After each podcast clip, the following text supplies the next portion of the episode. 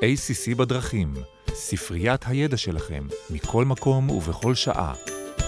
תודה שהצטרפתם אלינו ל-ACC בדרכים, סדרת הפודקאסטים של ה-ACC. ACC הוא ארגון היועצים המשפטיים הפנימיים בישראל. אני עורכת דין מירב לשם, והיום אני מארחת את עורך דין שי גרנות, ממשרד בלטר גוט אלוני. הוא שותף בכיר במשרד, ובין היתר הוא מוביל לתחום חדלות הפירעון ובנקאות במשרד. שי עסק לאורך השנים בדיני חדלות פירעון, הוא מונה על ידי בתי משפט מחוזיים ככונס נכסים מטעם בנקים מובילים בישראל, בחברות מדיסציפלינות שונות מגוונות, חלק מהגדולות במשק. ואני שמחה לארח מומחה בעל שם בתחום חדלות הפירעון, שמייצג את מרבית הבנקים, ויש לו קילומטראז' עצום בתחום דיני חדלות הפירעון, כדי אה, לפתוח לנו מפה, תפרוס לנו מפה של אה, דיני חדלות פירעון שהם בעצם חדשים, אה, ואנחנו עכשיו בתהליך למידה שלהם והפנמה, וזו תקופה כזאת שהיא אה, מאתגרת. אנחנו שמחים לארח אותך פה, באולפן של קובי קלר, לפודקאסט. אני שמח להתארח כאן. כפי שציינת, אנחנו, להבנתי, או הכרתי את השוק, את המערכת, אנחנו נמצאים בפתחה של תקופה מאתגרת, שבה יותר ויותר חברות, לצערנו, אה, עלולים להיכנס, להיקלע לקשיים כלכליים. זה מאתגר הן מבחינת החברה, העובדים, הספקים שלה, הגופים שעובדים איתה, וכמובן לאנשים, מכל הסוגים ומכל הדיסציפלינות. אבל זו תקופה קשה, ושווה באמת להכניס כמה עצות אה, שיאפשרו את ההיערכות הנכונה ככל שניתן. אז אני מודה לך שהגעת הנה. אני אגיד לפני ה disclaimer שלנו, שאנחנו בפודקאסט כפול, מיני סדרה. בפרק הראשון אנחנו באמת נכניס uh, את uh, היועצים המשפטיים הפנימיים שלנו למטריה, נמפה את, ה, את האפשרויות. בפרק השני אנחנו נהיה יותר פרקטי ונדבר על העצות והפרקטיות ש, של חברה שהיא בתהליך הזה. אז עכשיו ה disclaimer, הפודקאסט מיועד להעשיר את הידע הכללי שלכם, כל מה שנאמר בפודקאסט הוא בוודאי לא ייעוץ משפטי ולא מחליף כזה. וזהו, התכנסנו כאן עם כל הניסיון האינסופי שלך כדי לתת לנו כלים להתמודד עם שאלה שחברות בקשיים שואלות את עצמן בשלבים שונים, להיות או לא להיות. ניסחת את השאלה באופן אה, אה, מדויק, אולי קצת אה, תיאטרלי, אבל אה, מדויק. אני אשתדל לתת אה, כלים היום גם לחברה, ובמיוחד ליועץ המשפטי שמלווה אותה, שמנסים או צריכים לבחון מתי הוא הרגע הנכון לפנות לבית המשפט ולבקש את ההגנה. השאלה הזאת היא קודם כל שאלה שצריך לבחון מי הוא המבקש, האם אה, זה החברה, בעל המניות או הנושה. חוק אה, חדלות אה, פירעון, שעבר מהפכה מאוד מאוד גדולה בשנים האחרונות, אה, קובע כי מי שרשאי להגיש את הבקשה למתן צו לפתיחת הליכים, הוא החברה עצמה, נושים של החברה, או היועץ המשפטי לממשלה. אלה קשת האנשים שיכולים להגיש את הבקשה לצו לפתיחת הליכים. ולמה ההפרדה הזאת היא כל כך חשובה? כי החוק עצמו עושה את ההבחנה המאוד מאוד ברורה בין, בין זהות אה, מגיש הבקשה, האם זה בקשה של החברה עצמה, שהיא החייבת, לבין אה, גוף שהוא נושה חיצוני. כאשר החברה מבקשת מתן צו לפתיחת תהליכים עבורה, יש אה, קריטריונים שהחברה צריכה לעמוד בהם, כפי שהחוק קובע. אחד, שהחברה עצמה נמצאת בחדלות פירעון. או שבעצם הצו שמבקשים יסייע למנוע את הכניסה שלה לחדלות פירעון. יש אה, סף שני שהוא טכני, שהחוב, סך החובות הוא יחסית זהיר, 26 אלף ומשהו אלף שקלים, זה כמעט אה, היום אה, לכל חברה. מאידך, כאשר הנושה הוא זה שמבקש את הצו בפתיחת הליכים לחברה, עליו להראות, או יותר נכון להוכיח, כי החברה עצמה נמצאת אה, בחדלות אה, פירעון, והנושה יהיה רשאי להגיש בבקשה שלו האם הוא רואה שיש תכלית לשיקום של החברה, או אה, שצריך לפרק את החברה. והחוק עצמו מאוד מאוד ברור. צריך לציין עוד שאם מדובר בנושה שהחוב שלו טרם הגיע לפירעונו, הוא לא יוכל להגיש את הבקשה. להבדיל מהחקיקה הקודמת, הקודמת. שהיה אפשר להגיש על אה, חוב צפוי, הם אומרים חוב עתידי, יהיה ניתן אה, להגיש בהתקיים אה, שאחד, החברה פועלת להונות את הנושים, ורוצים למנוע את המשך ההונאה, ושתיים, שמוכיחים שהחברה מבריחה את הנכסים מהנושים. ושלוש, זה תנאים אה, מצטברים, אבל הוא חשוב שבאמת אפשר להוכיח שאין מצב שהחברה תוכל לפרוע את החוב, ולכן עדיף להקדים תרופה למכה. בעצם אה, אתה מבחין, אם חברה רוצה להרים דגל לבן, אז התנאים הם יותר מקלים להתחיל את התהליך. ואם זה הנושה, אז החוק החדש הוא בעצם אה, שם תנאים מצטברים, או מקשה ב... לא מביאים כל כך מהר, באופן יחסי, בח- בחוק החדש, חברה להליכי חדלות פירעון. נכון, אם פעם היה ניתן להגיש אה, בקשה לפירוק חברה, היום לא ניתן אה, להגיש כזאת בקשה, יש החוק קובע מאוד אה, ברור שניתן לפתוח בקשה לפתיחת צו הליכים, שאז בית המשפט אה, בוחן אותם, את התנאים, וקובע האם החברה דינה לשיקום, תוך דגש על שיקום, או שממש אין שום תוחלת והוא מוביל לפירוק. סעיף 2 לחוק קובע שבעצם חדלות פירעון, יש פה הגדרה מאוד אה, ברורה, עושה כאן הבחנות בין שני מצבים שפעם היו מאוד אה, לא ברורים, שאחד, אה, המצב הכלכלי שבו חייב אינו יכול לשלם את חובותיו במועדם, בין אם הגיע מועד פירעונם ובין אם לאו, או שההתחייבות החייב, לרבות התחייבויות עתידיות ומותנות שלו, עולות על שווי נכסיו. לגבי הסעיף הזה הוא עבר הרבה מאוד דיונים, הוא בעצם מקפל בתוכו שני מבחנים, אחד המבחן הנכסי, והשני הוא המבחן התזרימי. הנכסי הוא פשוט, אה, האם שווי הנכסים שלו עולה על שווי החובות. מצד שני, המבחן התזרימי, שבוחנים את התזרים המזומנים החופשי הפנוי, ואומרים האם הוא יכול לשרת את החובות. היה בשעתו, אה, הנוסח הקודם היה רק המבחן התזרימי, אה, אבל אה, לאחר לא מעט דיונים הכניסו את, את שני המבחנים לקריטריונים, והם בית המשפט הוא זה שצריך כמעט בכל מקרה לגופו להחליט האם באמת יש סיכוי לפי מבחן כזה או מבחן אחר. אני אתן לך דוגמה.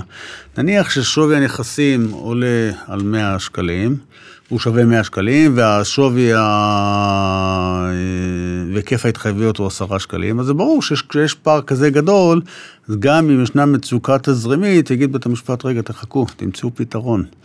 שווי הנכסים ברור, או שהוא לפחות שווה, אבל אם מאידך שווי הנכסים הוא קטן, וגם התזרים המזומנים עצמו הוא לא מזהיר, אז כמובן שהמבחן הוא קיים.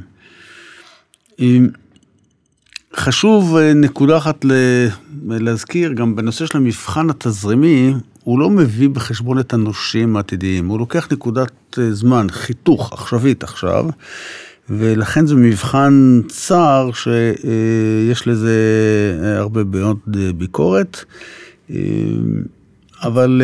מצד שני, הוא...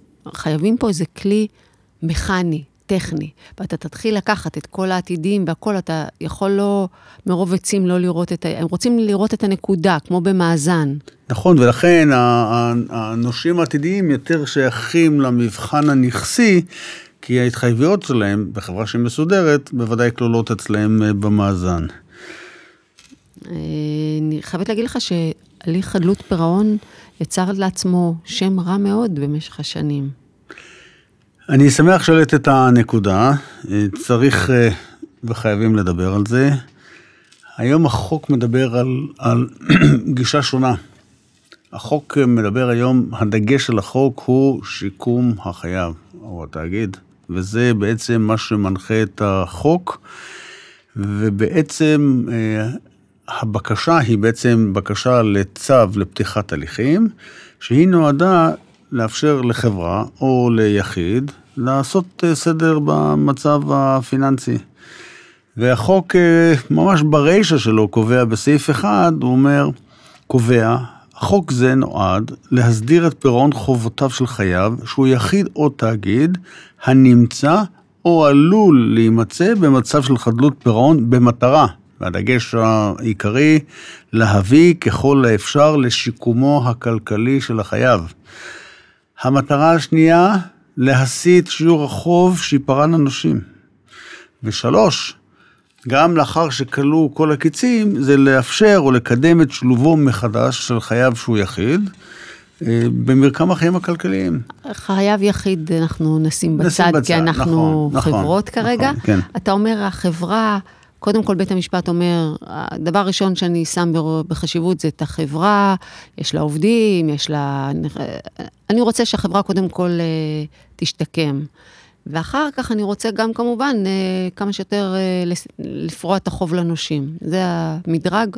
נכון, אני, כן, נכון, אני חושב, אני רוצה לתת ככה איזושהי דוגמה, כשאתה, כשאנחנו מדברים על חדלות פירעון, קופצת לי מדי פעם התמונה של הסרט אה, אינדיאנה ג'ונס, הופה. אם את אה, מכירה, אה, כאשר הקירות מתחילים להיסגר על הגיבור הראשי, ומכשולים מתחילים להקיף אותו מכל מיני כיוונים, וחיצים, והפתעות כאלה שהוא לא מצליח אה, אה, לעמוד בהם, עד שהוא מוצא את הכפתור.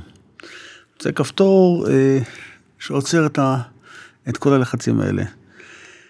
בחיים הכלכליים, חברה מתקשרת ומתחייבת בהסכמים רבים ויוצרת מאופן אה, פעולתה התחייבויות אה, רבות. חלקן מצליחות, חלקן מטבע הדברים אה, מצליחות פחות. יש לפעמים תקופות זמן שההחלטה יכולה להיראות החלטה פנטסטית, ואחר כך בראייה רטרוספקטיבית אתה אומר, וואו, איך קיבלו כזאת החלטה.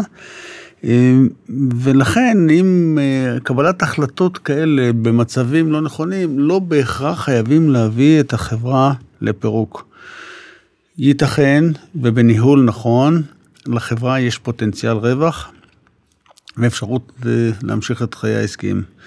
אבל יכול להיות שבנקודה נקודת זמן הקירות מתחילים לצמצם לה את מר- מרחב המחיה שלה ואת הלחצים, מתחילים לסגור עליה. במצב כזה היא צריכה כפתור. והכפתור הוא בקשה לצו לפתיחת הליכים לצורכי בחינה ושיקול אה, כלכליים.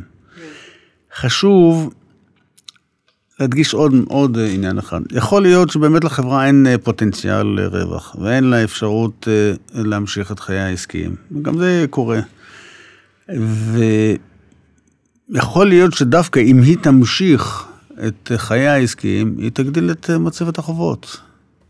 אז אה, לפעמים גם המטרה השנייה cut שהיא. חשובה, היא גם אה, צריך לדעת לעצור, ללחוץ על אותו כפתור שאנחנו אומרים, נגיד לעשות רגע סטופ, תקפיאו את כל ההליכים ובואו נעשה עכשיו את הבחינה, האם באמת יש לה תוחלת, שזו המטרה העיקרית, או בואו נעצור את, ה... את, את ההידרדרות במדרון החלק. ולכן חשוב שבעצם הבקשה עצמה, היא מעבירה את השליטה או את הפיקוד לפקיד, זה לא שם נכון, אבל ככה קורא לזה, מטעם בית המשפט. שהוא זה שפועל תחת המעטפת של בית המשפט, שיש לו ראייה כללית, רחבה, שהוא מקצוען, מדורג, מבין מה עושה, בוחן באופן אובייקטיבי ובלתי תלוי מה הדרך הנכונה, גם עבור החברה וגם עבור הנושים, ומביא את המלצתו לפני בית המשפט. אני מרגישה שאנחנו מגיעים לצומת להיות או לא להיות. נכון, נכון, נכון, נכון. אם המקרה הקל והברור זה שבאמת לחברה אין אה, פוטנציאל רווח עתידי. והיא מצויה במצב של חדלות אה, פירעון, או עתידה להיכנס אה, אוטוטו למצב של חדלות פירעון, אלא אם כן יינתן הצו לפתיחת הליכים. נכון שברור שבשעה כזאת טובה הגשת בקשת פתיחה כמה שיותר מוקדם. במיוחד כאשר אה, בלא מעט מקרים בעלי המניות ערבים אישית לחובות החברה, או לחלק מחובות החברה. ולכן אה, רצוי להגיש את הבקשה גם במטרה שלא להגדיל את החובות.